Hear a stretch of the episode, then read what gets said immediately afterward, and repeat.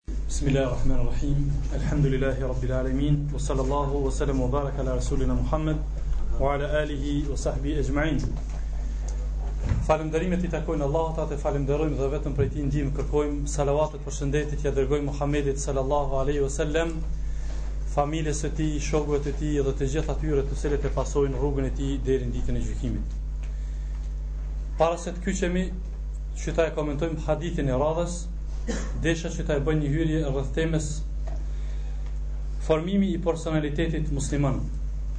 Duke patur parasysh të nderuar vëllezër se Allah subhanu tala e ka ngritur njeriun, duke patur parasysh se Allah subhanu tala e ka çmuar këtë krijesë dhe iu ka përkushtuar krijimit të kësaj krijese dhe njëkohësisht e ka graduar me dhunti të mëdha e ndër të tjerash vetë krijimi i njeriut forma e krijimit të njeriut, andaj dhe e ka pajisë me sifate, me cilësi, me epitete, me kritere, që dallon nga krijesat e tjera, e që dhuratë e këtyre kritereve, epiteteve, janë që kjo krijesë të jetojë sadopak e lumtur në jetën e kësaj bote, e që njëkohësisht përmes këtyre mirësive, sadopak të vogla qofshin, ose afatshkurte, t'ia arrijë qëllimit të tij final, që të takohet me Allahun subhanuhu teala të jetë faqebardhë, edhe njëkohësisht Allahu të jetë i kënaqur me të dhe t'i merr shpërblimet përfundimtare.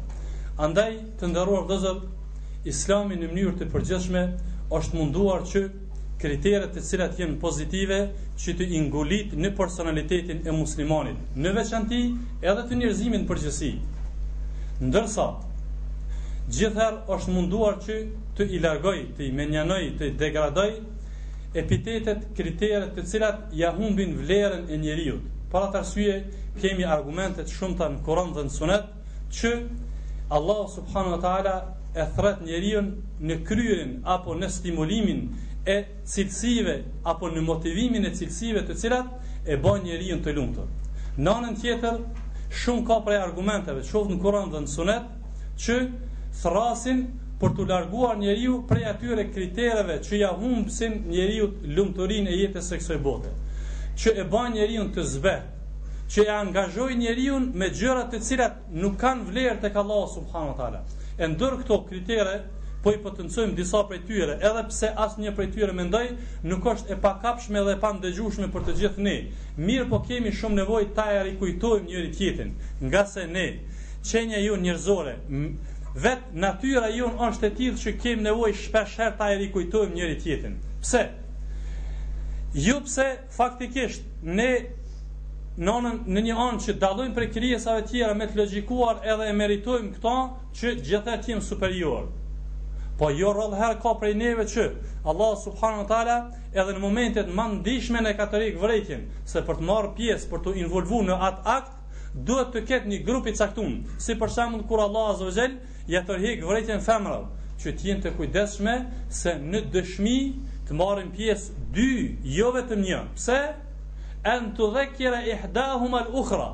Që t'ja kujtoj njëra tjetrës. Kan thënë komentatorët e Kuranit, natyra e femrave është harrojnë shumë.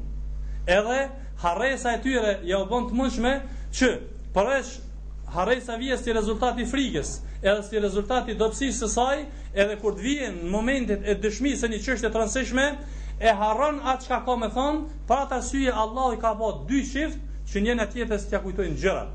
E kështu të nderuar vëllezër është natyra e njeriu në mënyrë të përgjithshme, ne po i cekmi disa prej këtyre, çka ka mundësi ta e destabilizoj këtë qenie njerëzore apo ti destabilizoj këto kritere në një prej viruseve të rrezikshme. që ka qenë epidemi shumë e rrezikshme që nga shekujt e artë edhe që nga qeniet njerëzore të hershme është hasedi apo është xhelozia. Duhet ditur të nderuar vëllezër se sikur Islami që i ka ngrit edhe i ka favorizu këto kritere nuk ka asnjë rrym ose asnjë lëvizje ose asnjë tendencë e individëve aso apo e ndonjë partie apo e një shoqërie. Asnjëherë nuk është nuk është mundu apo nuk ja ka arrit qëllimit të e, gdhendjes apo të stimulimit të këtyre kritereve ashtu siç është marrë islami me to. Duke mos humbur kohë të nderuar vllezër, Kurani dhe Suneti janë të stërngarkuar me argumente që flasin për këtë kriter, i cili është një epidemi shumë e rrezikshme që i ka shkatërruar edhe gjeneratat e kaluara. Pra, nuk është një sifat, një cilësi që ekziston prej datimit të shpalljes së fundit, por ka ekzistuar që nga njeriu i parë, siç do të sjellim edhe shembuj. Mirpo, gjithherë Kurani ka sjell shembuj për vendet që janë më të ndjeshme. Andaj Kurani ndër tjerash Allah Azza wa Jell në Kuran ka sjell disa shembuj që të jeni të kujdesshëm nga xhelozia në momente që mund t'ju nxjerrë juve nga një dhunti shumë e madhe. Nga ky moment vjen rasti që ta e definojmë çka e njef Apo si e njef islami xhelozinë? Çka do me thonë xhelozi në islam? Thonë dijetarët islam, xhelozi në islam do me thonë që të synoj dikush që tja mohoj mirësinë apo tja shkput një mirësi apo tja dëmtoj një mirësi atij që ia ka dhonë Allah azza wa jall e nuk ta ka dhonë ty. Kjo është ajo xhelozia të cilën e lufton islami apo që është marrë me kurimin e saj. Faktikisht të mundohet që mirësinë që ia ka dhonë Allahu dikujt ose tja largoj ose t'ja shkput, ose faktikisht t'jet aq fanatik, sa që të merret me përpunimin e asoj materie, që këti Allahu azza wa jall nuk ja ka dhonë. Për atë arsye Allahu azza wa jall e ka sjell një citat kuranor, lidhur me ithtarët e librit, të cilët, edhe pse në kufër, edhe pse do thot e kanë humbë edhe vlerën e jetës së kësaj bote, edhe jetës ardhshme, prap insistojnë që edhe të tjerët t'i sjellin aty. Si thot Allahu azza wa jall, Wadda kathirun min ahli al-kitabi law yaruddunakum min ba'di imanikum kuffara. Shumë prej ithtarëve të librit e imagjinojnë, jetojnë me këtë ëndërr, që juve t'ju sjellin në kufër mas imanit. Pse? Hasadan min 'indi anfusihim. Për shkak të xhelozis që kanë nga vetvetja e tyre. Kështu thotë Allahu azza wa jall në Surat Al-Bekara, citati njëqind e nëntë. Pra, ky është synimi i tyre. Pse? Nuk ka dhunti më të madhe të nderuar vëllezër në këtë botë se sa imani, se sa ky din. Andaj, qëllimi kryesor i tyre, për atë arsye e ka cek Allahu azza wa jall edhe në Surat Al-Araf dhe në shumë sure të tjera që ithtarët e librit investojnë në këto çështje që Njerëzve t'ja humbsin mirësitë e atyre vlera për çka i ka kriju Allahu azza xhel. Ndër tjerash pra, t'i lajthitin nga binarët e të vërtetës, edhe pse ata nuk e injorojnë realitetin e kësaj feje. Për atë arsye Allahu azza xhel i ka qujt çifutët, ghairil maghdubi alejhim, që është i hidhrun Allahu mbi ta. Pse është i hidhrun? Se ata e din hakun, por nuk e praktikojnë. Ndërsa të krishterët i ka qujt dulal apo dalin, të lajthitur. Pse? se faktikisht nuk punojnë me dituri, por punojnë me injorancën e tyre. E që këta dy të do thot janë të bashkuar dhe janë të interesuar ata të cilët e kanë mbjell këtë farë, edhe kanë siguru këtë farë, t'jav largojnë prej tyre pra çështja e imanit. E këtë që është si rezultat i xhelozisë që kanë, sepse e dinë që këta do të kenë shpërblim tek Allahu subhanahu wa taala. Njëkohësisht e ka përcjell këtë realitet edhe pejgamberi sallallahu alaihi wasallam në hadithin e sakt, cilin e ka nxjerr Imam Ahmedi dhe Tirmidhiu, ku pejgamberi sallallahu alaihi wasallam thot vërtet ju jeni duke i konsumuar dhe i përcjell ato viruse apo duke i përcjell ato kriteret të cilat i kanë përcjellë edhe popujt që kanë qenë para juve, përçarja dhe xhelozia. Pra edhe ky hadith thonë dijetarët islam jep me kuptu që ato të cilat apo ato virusa, ato sindrome të problemeve që kanë qenë te gjeneratat e kaluar që i ka shkatërruar Allahu azza për to, jeni duke i përcjellë edhe ju, andaj të jeni të kujdesshëm. Nga ky kontekst kemi të flasim mjaft në këtë pikëpamje apo për këtë sifat negativ që është shkatërrues për individin dhe shoqërinë, ne do të konkretizohemi se dijetarët islam këtë kët akt apo këtë gjest e kanë kategorizu në shkallë të ndryshme për mos t'i fut të gjithë njerëz do thot me një kategori. Pse? Se natyra e njeriut është apo egoja e njeriut synon që t'ja arrij qëllimet e veta. Andaj, Por mos t'i fut të gjithë muslimant në një kategori, dijetarët islam kanë thënë se edhe xhelozia nuk është e gjithë njësoj. Ka xhelozi që faktikisht ajo në islam është e lejuar dhe islami faktikisht inicon atë që në gjuhën e shariatit quhet ghibta. Kush është ajo? Faktikisht kategoria e parë është që të paramendojë tejkalimin e të tjerëve. Faktikisht Allah azza xhel kur ja ka dhënë mirësi njërit, edhe Personi i dytë mundohet që t'ia tejkalojë atin në atë mirësi që ka dhënë Allahu azza xhel. Çka? Që të arrijë diçka më shumë se ajo. Kjo në Islam është e lejuar, bile është e inicuar apo e lavdëron këtë Islami që quhet në gjuhën e shariatit el ghibta. Këtu e kemi konsideratë hadithin që është nxjerrë në dy koleksione të vërteta, ku ka thënë pejgamberi sa nuk ka xhelozi në Islam të lejuar pos në dy raste. Cili është ai? Kur Allah azza xhel një personi i ka dhënë pasuri, i cili e shpenzon atë ditë dhe natë në rrugën e Allahut azza xhel. Edhe një personi që Allah azza xhel ja ka dhënë Kur'anin dhe ai punon me të ditën dhe natën. Pra, në raste të tilla është e lejuar xhelozia që në këtë rast e merr titullin si ghibta, si xhelozi apo stimulim i veprave të mira. Nën dy, të urrejë dhuntitë e të tjerëve, të mundohet që mos t'i shkëput atë nga ai person, mirëpo edhe të bëjë trysni mbi xhelozinë që e ka ai. Thonë dijetarët islam, kjo nuk është ndaluar në islam, mirëpo ka mundësi që t'i afrohet ndalesës. Si ka mundësi? Kur personi për shembull i urren të mirat që ja ka dhonë Allahu dikujt, Mirëpo, njëkohësisht nuk mundohet që atë dhunti t'ia marrë, apo ta luftoj që mos ta shohë te ai, por njëkohësisht mundohet që të bëjë trysni mbi vetveten e tij që mos t'i rritet xhelozia. Andaj kjo është ajo e kërkune në islam, që ne të bëjmë trysni në egon tonë, të bëjmë trysni në sifatet, në cilësitë tona negative që i kemi, që mos ja lejmë vetvetes që të kemë xhelozi ndaj mirësive të tjera, thonë dijetarët islam, kjo nuk është ndaluar në islam, mirëpo ka mundësi që t'i afrohet ndalesës, për shkak se e prish qëllimin. Dhe nën tre, xhelozia e ndaluar është kur njeriu mundohet i lufton dhuntitë e të tjerëve, i mundohet t'i shkput ato nga personi, edhe nuk bën trysni mbi xhelozinë që ka në vetveten e tij, kjo është ajo e ndaluara. Pra, i shef të mirat që ka dhënë Allahu dikujt, po nuk ia ndalon vetvetes me thon elhamdulillah që Allahu atij i ka dhënë, unë do të mundohem që me i arrit ato, po jo do të mbetem i kënaq i kënaqur me caktimin e Allahut azza Nga ky kontest dijetarët islam i kanë cekur këto dëmet që vijnë nga xhelozia. Çfarë dëme mund të ketë nga ai i cili nuk e frenon vetveten apo të paktën nuk bën trysni mbi këtë akt të shëmtuar apo mbi këtë virus që ka, ka qenë shkatrimtar edhe në gjeneratat e kaluara.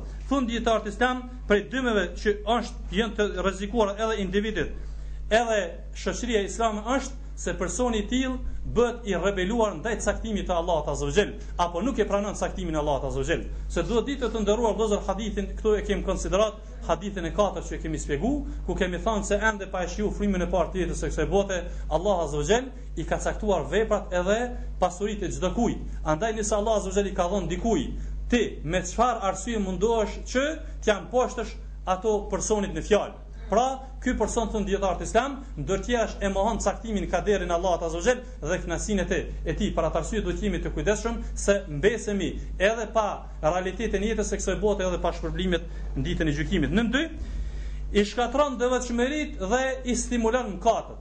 Kështu thonë dijetarët islam, ky është rezultat i xhelozisë i shkatërron devotshmëritë. Pse? Se personi i cili është involvuar në këtë krim ose në këtë epidemi, ai nuk ka kohë me marr me vepra të mira. Ai do të mirret me të tjerët. Kqyre filani çka bani, kqyre ku ka shku, e kështu me radhë, tanë kohën angazhohet me veprat e të tjerëve. Pra, nuk ka mundësi që stimulojë vepra të mira. Në anën tjetër, involvohet në mëkate. Për atë arsye as jetën e kësaj bote e as tjetrën. Nën 3. Mjafton si vepër e ndaluar dhe krim i ndëshkuar që Allahu Azza wa Jall ka urdhëruar që të kërkojmë mbrojtje nga ky akt i shëmtuar. Siç thotë Allahu Azza wa Jall në Suratul Falaq, "Wa min sharri hasidin idha hasad." Dhe kërkojmë mbrojtjen prej Allahut Azza wa Jall nga xhelozia e atyre që xhelozojnë. Pra thonë dijetarët islam, mjafton si akt i ndaluar që Allahu Azza wa Jall ka urdhëruar që të kërkojmë mbrojtje nga Allahu azza xal për këtë akt të shëmtuar, edhe njëkohësisht janë përcjell hadithe të shumta në këtë çështje. Nën katër. Ky ves është njëkohësisht si rezultat i mëkatit të parë që është bërë në rruzullin tokësor. Faktikisht po krimi i parë që është bërë po mëkati i parë ndaj Allahut azza xal është si rezultat i xhelozisë. Kur ka ardhur kjo? Kur faktikisht Allahu azza xal i paralajmëron engjëjt se po e krijon qenien e parë njerëzore, atëherë kur njoftohet iblisi që t'i nënshtrohet në shenj respekti, bëhet kryeneç edhe e mohon një urdhër të Allahut azza xhel. Pse? Rezultati është xhelozia e tij ndaj krijimit të Ademit alayhis salam në këtë formë, edhe mirëqenieve dhe mirësive që ka dhënë Allahu azza xhel atyre. Nën pesë, dhe ky është shkaku i krimit të parë mbi qenien njerëzore e që është vazhduar edhe gjatë gjeneratave të arta edhe ekziston deri në ditët e sotme. Pra, Ky është rezultati i krimit të parë njerëzor në mesin e bijve të Ademit alayhis salam. Pra, shkaku i asaj që erdhi deri te vllavrasja në mes Kabilit dhe Habilit është si rezultat i xhelozisë ndaj njëri-tjetrit. Ajo që erdhi për ta mbyt, edhe pse Allahu nuk e kishte caktuar ashtu, Jusufin alayhis salam ose për ta likvidu ose largu nga gjiri familjar, Ishte xhelozia, ngase Jakubi alajhis salam ndjente një simpati të veçantë ndaj Jusufit alajhis salam në veçanti mbas ëndërrimit të tij. Kështu ndodhte në gjeneratat e arta, për shkak të xhelozisë që kishin, do thotë të tjerët, ndaj atyre sahabëve që kishte folë në veçanti pejgamberi alejhi selam, inicuan në përçarje dhe erdhën deri te mbytja e Uthmanit radhiyallahu anhu. E kështu vazhdoi kjo deri te derisa erdhi te përçarja e luftës së Devës, edhe në mes Ali dhe Muawiut E kështu u përcjell kjo gjeneratë pas gjenerate, edhe sot e shohim edhe në mesin e muslimanëve, që për shkak të një mirësie që ja ka dhënë Allahu Azza X individit nuk ja ka dhënë tjetrit, ai e xhelozon edhe apo për një ego të tij nuk jep selam ose faktikisht largohet prej tij. Pra këtu janë pika të shkurta dëmet që mund të vijnë nga ky ves i shëmtuar. Nën dy, prej këtyre kritereve që e destabilizojnë individin, i thonë dijetarët islam është dhe urrejtja. Dijetarët islam kur flasin mbi këtë akt të shëmtuar, thonë se Allah subhanu tala kur i ka koordinuar ligjet e jetës së kësaj bote, ka urdhëruar që muslimanët të jenë afër njëri tjetrit, që ta e dun njëri tjetrin, që të jenë solidarë ndaj njëri tjetrit. Ngase me këtë, pra me këtë sifat, me këtë cilësi negative, vetëm çka shkaktojnë largimin ndaj njëri tjetrit, vetëm që e prishin harmoninë që Allah azza wajel e ka sistematizuar në jetën e kësaj bote. E ndër tjerash, kjo i mundson që ta arrijnë hidhërimin e Allah subhanahu wa taala. Nën tre, el hijre apo kthyrja e shpirit, shpinës së njëri tjetrit apo heqja dorë ndaj njëri tjetrit apo shkputja e marrëdhënieve ndaj njëri tjetrit. Prej epidemive që kanë qenë edhe në gjeneratat e kaluara, edhe që po stimulohet me të madhe, edhe në kohën që po jetojmë na, e që është shumë normale, ngase nëse kjo ka qenë prezente në gjenerata të arta, aq më tepër është prezente në kohën tonë. Pra, prishja e marrëdhënieve me njëri-tjetrin apo shkputja e marrëdhënieve me njëri-tjetrin për interesa tona e jo për hir të Allahut subhanahu wa taala. Edhe pse për hir të Allahut azza wa jall, Islami e ka sistematizuar këtë çështje. Ka bërë program se kujt kena drejt me ia kthy shpinën, kujt kena drejt mos me i fol, Kujt kena drejt përkohësisht me i prish marrëdhëniet me to? Thonë dijetarët islam si rregull i përgjithshëm, çdokush i cili i shkel ligjet e Allahut azza wa jall, ka rregull të caktuar, ditë të caktuar, norma të caktuar që kemi të drejtë që të largohemi përkohësisht nga ai. Hadithi që do të na vjen 3 ditë e jo më tepër, mirëpo masi që t'i tregohet personit në fjalë se ky kjo vepër që po e vepron ti është e ndaluar. Jo, e sheh personin duke pi alkoolin ose duke la namazin, ose duke mos agjëru, edhe pi këtij momenti nuk i jep selam. Pse? Ai po bën haram. A i ke tregu ti që falja e namazit faktikisht është rrezik me t'qit pi dinit. Falja e namazit t'len pa mirësitë e jetës së kësaj bote edhe pa shpërblimit që t'i ka përgatitur Allahu Azza wa Jall. A i ke tregu ti që alkooli është prej veseve që ja hum mirësinë njeriut në jetën e kësaj bote dhe njëkohësisht është shkak që nëse Allah azza xhel s'ta fal këtë mëkat të shpien n'xhenem ja si ka me tregu e me çfarë argumenti ti ja kthen shpinën atij ose në anën tjetër problemet që i kemi ndërfamiljare në mesin ton dhe familjeve tona sa e sa ka raste që përçahet fëmija me prindin vëllezërit mes veti ose mo, vllau me motën për shkak që ky e aplikon Një vepër të mirë, vllau nuk e aplikon një vepër të mirë që është e preferuar në Islam.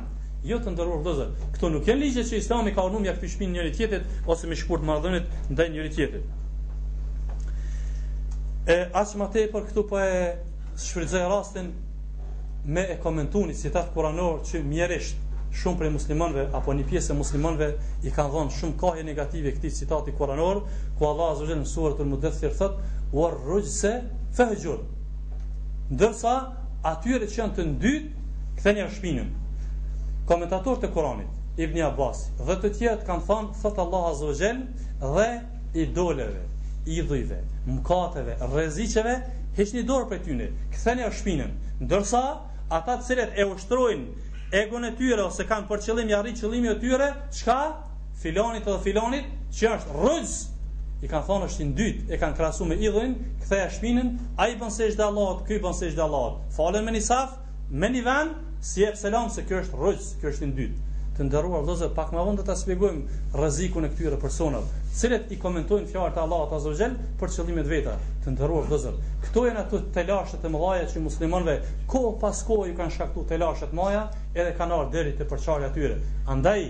Ky nuk është komentim i Kuranit qysh e kanë komentu ose qysh ka zbrit, por kjo është realizim i qëllimit të një individi që faktikisht kurrë nuk ka reflektu pozitivisht në shoqërinë islame. Nën katër mizoria, padrejtësia apo zullumi, e që ja kemi kushtuar një ligjërat veçan kësaj çështje. Nën pesë, tradhtia, prej rreziqeve të mëdha që destabilizon individin, destabilizon muslimanët, është tradhtia që faktikisht muslimani e tradhton muslimanin. Edhe pse kjo apo secila prej këtyre kategorive ose kritereve ia vlen që në ligjërata të veçanta të i shkoqisim, mirëpo kalimthi ose në mënyrë të si, sipërfaqësore po i shpjegojmë për shkak të kohës së ngushtë. Andaj, tradhtia ka qenë një prej epidemive shumë të rrezikshme që faktikisht e, shka, e ka shkatruar individin edhe në gjeneratat e arta e aq më tepër në gjeneratat që ne po jetojmë. Unë po e ceki vetëm një hadith të pejgamberit sallallahu alaihi wasallam, hadithi është i mirë që e ka nxjerr Ebu Davudi dhe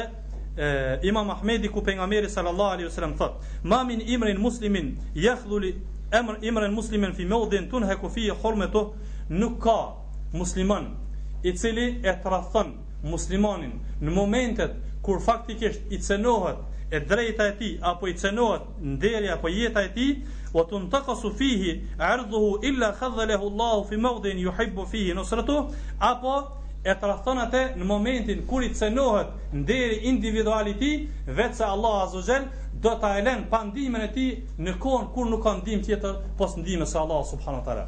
Thonë dijetarët islam se ky hadith definon këtë akt të shëmtuar se kur muslimani e tradhton muslimanin në momentet kur ai faktikisht ka nevojë për ndihmën e tij, kur i cenohet e drejta e tij, i cenohet jeta e tij, i cenohet nderi i tij, kurse ky ka mundësi t'i ofrojë ndihmë, Po ja kthen shpinën apo e tradhton, ashtu qysh po e tradhton ky musliman muslimanin, Allahu azza wa jall do ta le pa ndihmën e tij atë person në ditën kur nuk ka ndihmë tjetër pos Allahut azza wa jall. Nën gjashtë, prej veseve të shëmtuara, që ka qenë epidemi e rrezikshme, edhe në gjeneratat e kaluara e aq më tepër në kohën tonë, që është përhap aq shumë sa që kemi rrezik përveç atyre që i bëjnë sexhde Allahut, çdo fjalë që t'ja ta flet, ta mas me fjalën e tij, ngase është i mundshëm të involvohet në të, është fjala për gënjeshtrën. Gënjeshtra, rrana të nderuar vëllezër, ka qenë prej epidemive shumë të dëmshme, e cila e shpie njeriun në hidhërimin e Allahut Azza wa Jall, ja humb vlerën e krijimit të njeriut, e aq më tepër të muslimanit dhe njëkohësisht e shpie në mëkate të rrezikshme, qysh do të cekmi më vonë, mirëpo ajo që është për të thënë se Gënjeshtra ia arrin kulminacionit të mëkatit kur faktikisht bëhet gënjeshtra apo shpifja mbi Allahun Azza wa Jall edhe mbi pejgamberin sallallahu alaihi wasallam. Edhe pse kur i kur i flasim ne këto fjalë për dikon janë shumë të mëdhaja, si ka mundësi muslimani të të bëj shpifje mbi Allahun Azza wa Jall apo mbi pejgamberin sallallahu alaihi wasallam, mirëpo megjithatë duhet ditur të nderuar vëllezër. Shejtani mallkimi i Allahut qoftë mbi te. Nuk e devijon njeriun përnjëherë, por e shkallëzon atë, sikur që kanë folë dijetarët islam. Ai i cili i ndjek epshet e tija, nuk ka me shku shejtani me thon, nëse fal pesë vaktin, leje mos e fal mos sabahin. Po ka me shku prej suneteve, prej namazeve të natës, prej namazeve vullnetare, duke e largu, duke e zhvesh prej tu. Pastaj sunetet që i bashkangjiten farzeve, e dikur ato farzët që ka fol pejgamberi sa se prej sifatet e munafikëve janë çka? Nihet shumë i rëndë sabah dhe në jaci. Qatë falet diqysh shpejt e shpejt, edhe gjumit ose s'i fal hiç. Kështu domethënë shejtani e shkallëzon njeriun. Edhe kështu shejtani e shkallëzon muslimanin që s'shkon direkt me thon valla ky, Allah alam çka ka dashur me thon Allahu me kët ose mos me përfill at citat kuranor. Mirëpo, faktikisht ja jep komentimin citatit kuranor sipas qefit të tij, që faktikisht është prej krimeve që vihet deri te nxjerrja e njeriut prej dinit. Thot Allah azza wa jall suretul Enam citatin 144 Femen adhlemu mimmen iftera ala Allahi kedhiben li udhille nase bi gajri ilm. A thu vallë, a ka ma mizor, ma kriminel, se ata të cilët i bajnë shpifje Allahut azza wa jall duke mos patur dituri. Thonë dijetarët islam, këtu hyjnë të gjithë ata të cilët i komentojnë citatet e Allahut azza wa jall, ose sipas qefit e tyre, ose sipas interesit e tyre, ose si janë të interesu më këthin komente. Por, E lexon edhe thotë që kjo që do të gjej në vendin tim. E thot Allahu azza wa jall, a ka ma mizor, ma kriminel, ma dhunë se sa ata që i kanë bërë vetvetes? Do thotë se ai person i cili i bën shpifje Allahut azza wa jall, edhe nxjerr ligje të cilat nuk ekzistojnë në Islam. Për atë arsye pra, të nderuar vëllezër duhet të jemi të kujdesshëm e këtë e përkufizon edhe hadithi i saktë të cilin e ka transmetuar Abdullah ibn Mesudi radhiyallahu anhu, ku pejgamberi sallallahu alaihi wasallam e përcjell këtë mesazh te të gjitha gjeneratat prej gjeneratave e arta deri në ditën e gjykimit, jeni të kujdesshëm, të nderuar vëllezër, se gjuha është prej organeve që i kemi shpjeguar që Allahu ja ka dhënë njeriut si dhunti, por përdoret për atë cilën njeriu e shfrytëzon. Andaj, ose është një prodhim i cili prodhon gjëra që i don Allahu Azza Jell, ose nëse nuk e edukon atë, do të prodhojë helme ose do të konsumojë gjëra që nuk i don Allahu Azza Jell. Thot pejgamberi sallallahu alaihi wasallam. Inna sidqa yahdi ila al-birr. E drejta, drejtësia gjithmonë shpie udhëheq çon në vepra të mira. Wa inna al-birra yahdi ila al-jannah. Por veprat e mira s'ka mundësi të çojnë dikund tjetër pos në xhenet. Wa inna ar-rajula la yasduqu hatta yuktaba 'inda Allahi siddiqa, Mirëpo njeriu i drejtë dhe i sinqertë vazhdon ta thotë fjalën e drejtë derisa të shënohet te Allahu azza wa jall i drejtë, e ka ardhur një transmetim tjetër, e përhap Allahu azza wa jall lajmin në qiell që filani, filani është i drejtë, melaçet në tokë edhe njerëzit i besojnë atij. Edhe e kundërta me të kundërtën, wa inna al-kadhiba yahdi ila al-fujur, dhe dini se gënjeshta shpie çon në mëkate.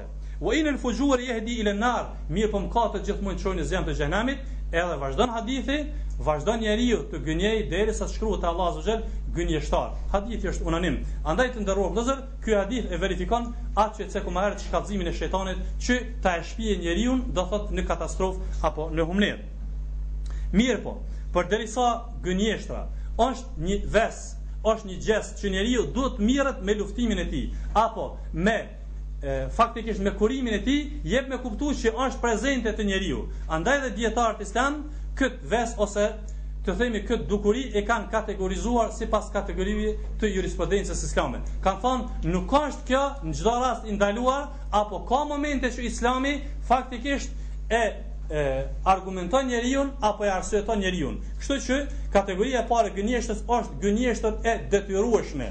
që në gjuhën e sheriatit quhet me një emër tjetër që i thonë et-teurije. Faktikisht, kur kuptimi është i saktë, mirëpo, fjala është gënjeshtër. Kur kështu, kur i kanoset rrezikut, kur i kanoset njeriut jeta e tij apo është në rrezik jeta e tij nga një zullumçar, atëherë jemi të obliguar që ta e gënjejmë zullumqarin për t'ia shpëtuar jetën muslimanit ose siç thonë dietarët islam, siç thotë Imam Nevaviu, kur njeriu është në luftë, edhe armiqtë don ta e shkatërrojnë një vend të muslimanëve, atëherë kemi të drejtë të gënjejmë ata me qëllim që ta shpëtojmë jetën e muslimanëve. Por në raste të tilla e kemi të obliguar Faktikisht që ta arrijmë apo ta e bëjmë këtë për t'ia shpëtuar jetën një individi apo një shoqërie. Nën dy, gënjeshtra e ndaluar, thonë dijetarët islam, këtu futen të gjitha ato gënjeshtra që s'kanë arsyetim fetarisht, apo individi mundohet që t'i arrijë qëllimet e tij, sikur bën pyetjet e shpeshta, për një qëllim apo për një interes vogël që njeriu pa hetu mund bie këtu. Për shembull, prej pyetjeve që na bën apo na shtron, a bën me i gënjy policinë në rrugë? Faktikisht, kur policia faktikisht i i ndal kerret apo në një mënyrë i kontrollon për pajisjet e tyre e ne t'i paralajmërojmë kerret Para se të vijnë te ta, kujdes se në filan vend ka policie.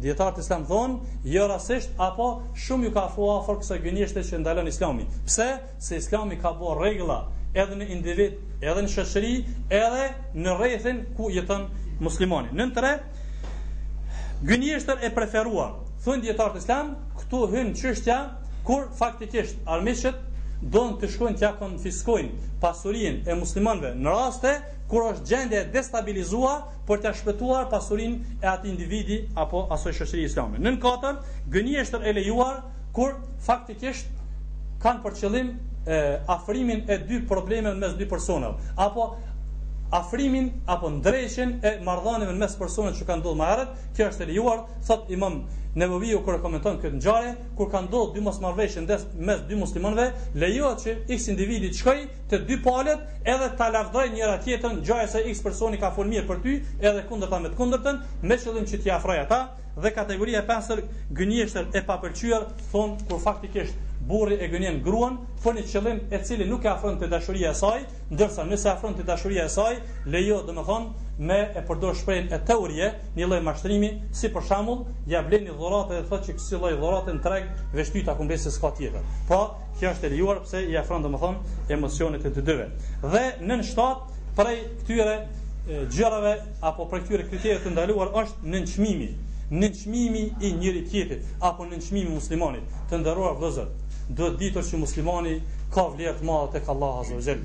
Për atë arsye domethën Islami i ka luftu që të gjitha këto vese negative me qëllim që muslimanët të jetojnë në harmoni. Andaj kurrë më herët nuk ka patur nënçmim më të madh se sa sot që po e kanë muslimanët ndaj njëri tjetrit. Për një interes shumë individual, për një interes shumë të vogël edhe lidh ato prapë me Islam e nënçmon njëri tjetrin, ose për shkak pse ka dituri më tepër, ose pse ka pasuri më tepër, ose pse ka inteligjencë më tepër, ose pse ka zhvillim fizik më tepër. Këto të nderuar vëllezër të kemë frikë Allahun Azza wa Jall se kanë qenë epidemi të hershme, por përcillen kohë pas kohe. Andaj muslimani duhet të jetë modest, duhet të jetë i përulur që ta afrojë muslimanin e jo të involvohet në to, që të gjitha këto i komenton hadithi radhës, hadithi 35 me radhë, që e transmeton Ebu Hurejre radhiyallahu anhu, ku pejgamberi sallallahu alaihi wasallam thotë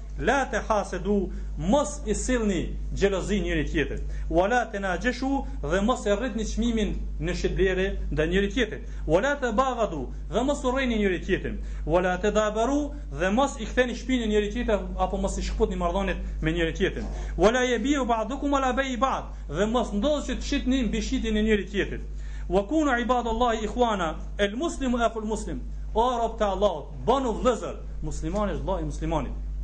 Ky hadith i pejgamberit alayhis salam e komenton citatin kuranor ku Allahu azza wajel çka thot?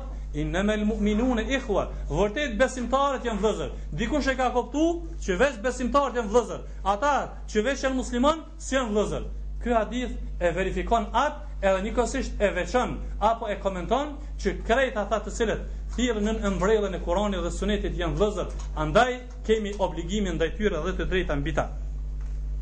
Nëse është puna kështu, nëse janë musliman, edhe inicon Islami që të bëhemi vëllezër, andaj çfarë obligimi ka kim ndaj njëri tjetrit? Thot pra pejgamberi alejhi selam, la yadhlimuhu. Nëse pra je muslim vëllezër ndaj njëri tjetrit, e kem ndaluar ndaluar dhunën ndaj njëri tjetrit. Pastaj, la yadhlimuhu wa la yakhdhuluhu, dhe nuk e tradhton atë. Wa la yakdhibuhu, dhe nuk e gënjen atë. Wa la yahqiruhu, dhe nuk e nënçmon atë. E taqwa ha huna. Këto çështje janë çështje të mrendshme. Devotshmëria, frikë respekti nuk është e shënuar në ballë. As nuk shifet, por është këtu dhe transmetuesi i hadithit tri herë ka sinjalizu nga gjoksi i tij, domethënë kanë thënë dietarët në zemër. Bi hasbi min imrin min sharri yahqira akha al muslim. Mjafton prej të keqes që i ndodh muslimanin nga muslimani me nënçmu ai muslimanin. Kullu muslimi alil muslimi haramun dhemuhu vë maluhu vë erdhu, i tërë muslimani për muslimanin është haram. Pasuria, gjaku dhe nderi i tij. Hadithin e ka nxjerr imam Muslimi. Pra kjo hadith të nderuar vllezër është prej haditheve që ka është shumë dobiprus, ka dobi të shumta në te, mirëpo meqenë që folëm pak për kriteret njerëzore, edhe për vlerën e njeriut apo për epitetet në mënyrë të përgjithshme të muslimanëve, tani do të flasim për një fushë tjetër që ka të bëjë me shoqërinë islame. Pra, sa është marrë Islami me individin, është marrë me shoqërinë. E ndër këto do të flasim për disa çështje në fushën e shitblerjes apo në ekonominë islame. Andaj të nderuar vëllezër, nuk Ka fe, religjion, parti, rrymë, shoqëri që është marrë me rregullimin e administratës në shitblerje qysh është marrë islami. Për atë arsye, i ka luftuar, qysh i ka luftu veset negative individuale, i ka luftuar të gjitha ato rreziqe të cilat e rrezikojnë jetën apo e destabilizojnë jetën e shoqërisë islame. Këtu dijetarët islam të fushës së ekonomisë e cekin një rregull të përgjithshëm i cili thotë, çdo veprim i cili sjell përçarje dhe urrejtje, është ai veprim është i ndaluar për muslimanin. Çdo veprim i cili sjell urrejtje dhe përçarje në mesin e muslimanëve, ai veprim është i ndaluar, duke u ilustruar me citatin koranor në surën Al-Maide, citatin 91 ku Allahu subhanahu wa taala thotë inna ma yuridu shaytanu an yuqi'a bainakum al-adawa wal-baghdha. Qëllimi i shejtanit është që të fut në mesin e juaj urrejtje edhe përçarje. Juristët islam nga ky citat koranor e kanë nxjerr këtë rregull. Çdo vepër e cila Shpie në përçarje dhe urrejtje është e ndaluar. Andaj vëlla i nderuar, çdo tregti që e kim plan me ba, një herë bone projektin. Qysh po bën projektin e objektit, projektin e fitimit, projektin e synimeve të tjera, bone projektin. Kjo punë, ky veprim a m'çon në stabilizimin dhe rehabilitimin e gjendjes së muslimanëve apo destabilizimin e saj. Pra, përdoret thon dietar të islam, të ekonomisë islame këtë rregull edhe starton me punën. Ktu po i cekim disa prej tregtive që i ka ndalu pejgamberi sa në këtë hadith, në një është en nexhesh, pra ngritja e çmimit. Çka është fjala me ngritje të çmimit? Çka aludohet në këtë ndër të këtij? Si realizohet kjo? Çfarë qëndrimi kanë juristët islam? Fjala e nexhesh ngritje e çmimit është kur faktikisht shkon X personi në treg dhe e ngrit çmimin e një artikullit, ose për ta dëmtu blerësin, ose për t'ia ngrit vlerën shitësit. Ky është ai personi që ka ardhur në këtë hadith ku e ka ndaluar pejgamberi sallallahu alaihi wasallam që dijetarët islam thonë se personi i tillë është gjynahqar i madh dhe një vepër e tillë e tillë është haram, siç e përcjell Ibn Abdul Barri konsenzusin e dijetarëve islam, se ky person i cili shkakton këtë vepër, pra ka rënë haram. Për ndryshe, kontrata që ka ndodhë mes shitësit dhe blerësit, është kontratë valide. Qysh, për shembull ka shku blerësi me ble një artikull te shitësi. Edhe në kohën kur ai don me bë kontratën, vjen personi i tretë edhe e ngrit çmimin e atij artikulli, si për shembull, të ndonjë prej këtyre aparateve që kushton 10 euro. Shkon blerësi për ta blerë me 10 euro. Vjen personi i tretë e thotë është 15 euro. ka për qëllim ose për ta dëmtu shitësin, ose për ta dëmtu blerësin, sepse ka ironi ndaj tij, ose për ta ngrit vlerën se është i afër i tij. E ky personi është në fjalë që është e ndaluar kjo çështje. Mirëpo kontrata nëse ndodh, kontrata është valide. Pse? Ky rrezik nuk ka të bëjë me shitësin dhe blerësin, por ka të bëjë me individin e tretë. Pra Islami e ka kuru këtë problem duke mos e dëmtuar domethënë vet shitblerin. Nën dy ndalimi i shitjes mbi shitje ose i blerjes mbi blerje. Si është kjo Si kuptohet kjo, si realizohet kjo?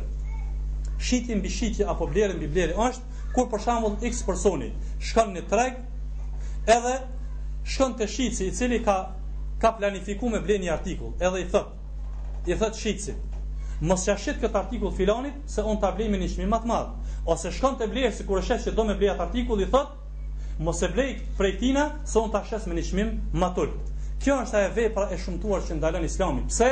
Se faktikisht kjo e destabilizon shoqërinë islame, apo në një mënyrë shtin në grindje në mes individit dhe shoqërisë islame, për atë arsye dhe e ka ndaluar pejgamberi sallallahu alaihi wasallam Ky është domethënë, ky është rregulli apo definicioni i kësaj tregtie, ndërsa dietarët islam këtë lloj të tregtisë e numërojnë prej tregtive të ndaluara që është haram, ndërsa sa i përket gjithashtu kontratës, juristët islam thonë apo një pjesë bukur e madhe thonë që kontrata këtu është valide, por personi në fjalë është involvuar në mëkat. Si ndodh e tërë kjo? E tërë kjo ndodh Kështu. Nëse X personi shkon për ta blerë një mjet udhëtimi, për shembull një kerr. Edhe kur shkon te shitësi e merr çmimin prej shitësit. Në kohën ende kur nuk kanë bo kontratë, po vetëm e ka marrë çmimin apo në një mënyrë e ka i ka marrë do të thotë studimin e atyre automjeteve, shkon personi i tretë edhe don ta largojë nga ajo nga blerja e atij automjeti. Dijetarët islamë thonë, Kjo nuk është njerëzore, por është e lejume. Pra nuk ka hi personi i tillë në mëkat, por nuk është cilësi njerëzore. Kjo është domethënë një prej kategorisë. Kategoria e dytë që është e ndaluar që ka në hadith, është në këtë rast. E dini që në gjuhën e shariatit në fushën e ekonomisë i thonë në rregull i thonë el khiyar. Kohë e zgjidhjes, kur Islami i, e ka favorizuar shitësin edhe blerësin. Për shembull, shitësi e ka plan me ble ni automjet. Islami e ka leju me marrë me provu at automjet.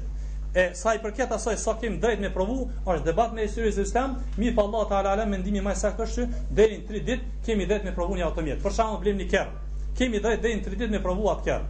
Në qet kohën kur jam tu e provu unë kerrin, vjen personi i tretë dhe më thotë, "Le këtë kerr se unë ta shes me një çmim ma t'ulët." Ose shkon te shitësi i thotë, Prishe kontratën se unë ta blej me një çmim më të lartë. Qikjo është ajo që ka në hadith që është ndaluar. Çështja e tretë, nëse kjo ndodh mas lidhjes së kontratës, shitësi e blerësi kanë bërë kontratë janë marrë vesh me çmim, shkon personi i tretë e bën qat punën që e ceka më herët. A lejohet apo nuk lejohet? Një pjesë e dijetarëve islamë thonë nuk lejohet. Pse? se edhe kjo ka mundësi që të nxit grindje, ani pse e ka pagu lekun, i ka pagu për shembull dhjetë mijë euro, kurse shkon personi i dytë i thotë unë ta blej me tetë mijë euro, ose faktikisht i thotë shitësit ta blej me dymbëdhjetë mijë euro, janë në pyetje dy mijë euro. Tash xhelozia dy mijë euro shkon blerësi edhe ngatrohet me shitësin, ja imponon mja kthy kerrin. Për atë arsye kanë thënë, edhe nëse është bërë kontrata, nuk është cilësi e muslimanit me bërë këto. Dhe e tregtia e tretë që ka në një transmetim tjetër në këtë hadith është thotë Pejgamberi alejhi selam wala tusarru al ibla wal ghanam dhe mos të ndodh që ta mbani qumështin në gjirin e kafshëve me qëllim që të grumbullohet qumështi, pastaj ta hudhni në treg ato atë kafshë që të duket n'syrin e njerëzve se ajo kafshë faktikisht ka qumësht. Pra, kjo është prej tregtive të ndaluara në Islam që ka qenë në kohën e ignorancës, xhahilijetit, edhe ka qenë gjatë kohës Pejgamberit alejhi selam Islami e ka kuru këtë këtë smujë, por është edhe në kohën tonë me një masë edhe më të madhe. Kur faktikisht fermeri e lën lopën e tij ose të ngjash me delën me ditë të caktune pa e mjel, pa e nxjerr qumështin. Që të grumbullohet qumështi në gjirin e kafshës. Që kur del kafsha në treg, në syrin e blerësit, mashallah, 10 kg qumësht, faktikisht 5 i qet, i qet kështu në mënyrë normale. Kjo është një. E aja tjetra që është bën tash që bën ditët tona fermerët që bojnë, ja fryjnë gjitë, do thot, fermerët kafshës me qëllim që të shifet n'anën e jashtme, kjo është rreziku më i madh, që as e ka qumështin, po Edhe ky e ka bën një lloj, do thot, një lloj tradhti ndaj blerësit. Sa ai pari, faktikisht qumështi është, një ditë ky ka me i nxjerr 10 litra, po nesër më s'mund i nxjerr, i nxjerr veç veç 5. A ky i dyti as nuk i nxjerr 10, domethënë i nxjerr që në start 5, por edhe n'anën tjetër e dëmton edhe vet kafshën. Për atë arsye pra, të nderuar vëllezër, krejt këto futën nën ombrellën e argumentit pejgamberit sallallahu alajhi wasallam, ku thotë Men ghashana falaysa minna. Kush na tradhton neve nuk është prej radhëve tona, për atë arsye të nderuar vëllazër. Islami ka ardhur për t'i rregulluar marrëdhëniet individuale, shoqërore, kolektive me qëllim që të dy gjithë të jetojnë në harmoni, që t'i shijojnë mirësitë e Allahut azza xhel dhe dalin faqebardhë para Allahut subhanahu wa taala dhe t'i presin shpërblimet e tija. Lusim Allahun azza xhel që t'i përmirësojë jetët tona, qëllimet tona, bindjet tona, dhe të na shpërblejë me shpërblimet e tij në këtë botë dhe botën tjetër, walhamdulillahi rabbil alemin. Urna.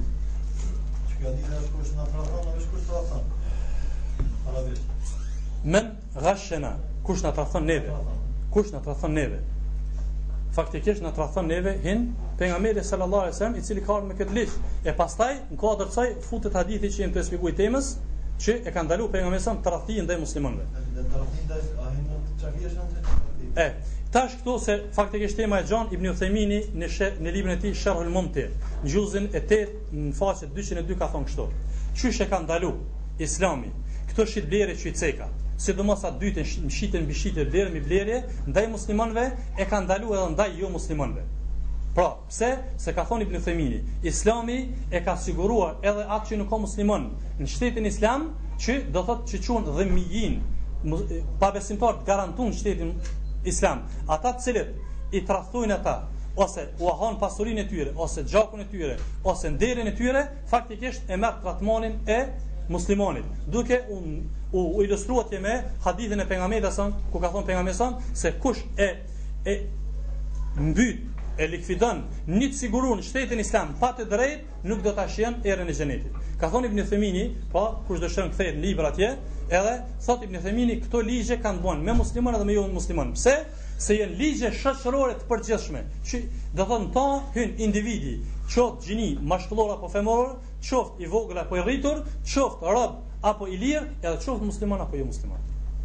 Po, ja bën për sa kohë që ke kush na tradhton ne kush bëjnë neve, çka do të thonë, qysh me konsideru atë që tradhton tash. Ai është në Katar. Ai që tradhton muslimanin është mëkatar. Që dietarët islam kanë thënë se ky futet, do thotë në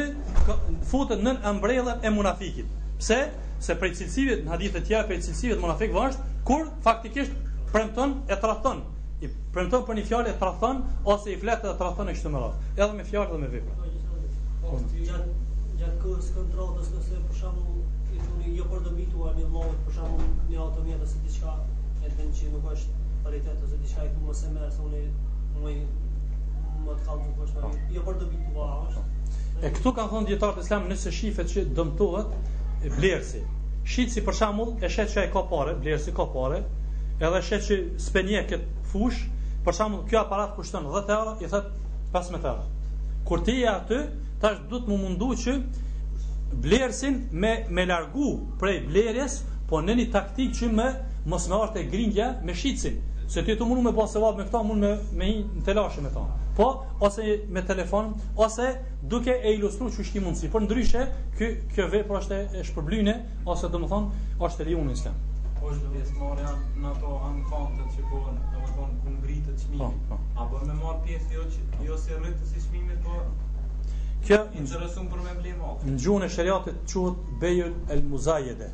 shitblerja me ngritje të çmimit. Kjo do thotë është e lejune, në islam, qysh edhe ka ndodhë, vetë Pejgamberi alejhi selam, kur ka dalë me shit një, një gotë, cilën një enë që ka përdorë, ka dalë në treg me shit, edhe njëni ja ka dhënë çmim.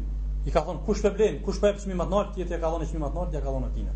Kjo, pra është e lejune, por me kusht, me qëllim, jo të abuzimeve, jo të përçarjeve, por me qëllim që shkurt me shit artikullin tënd,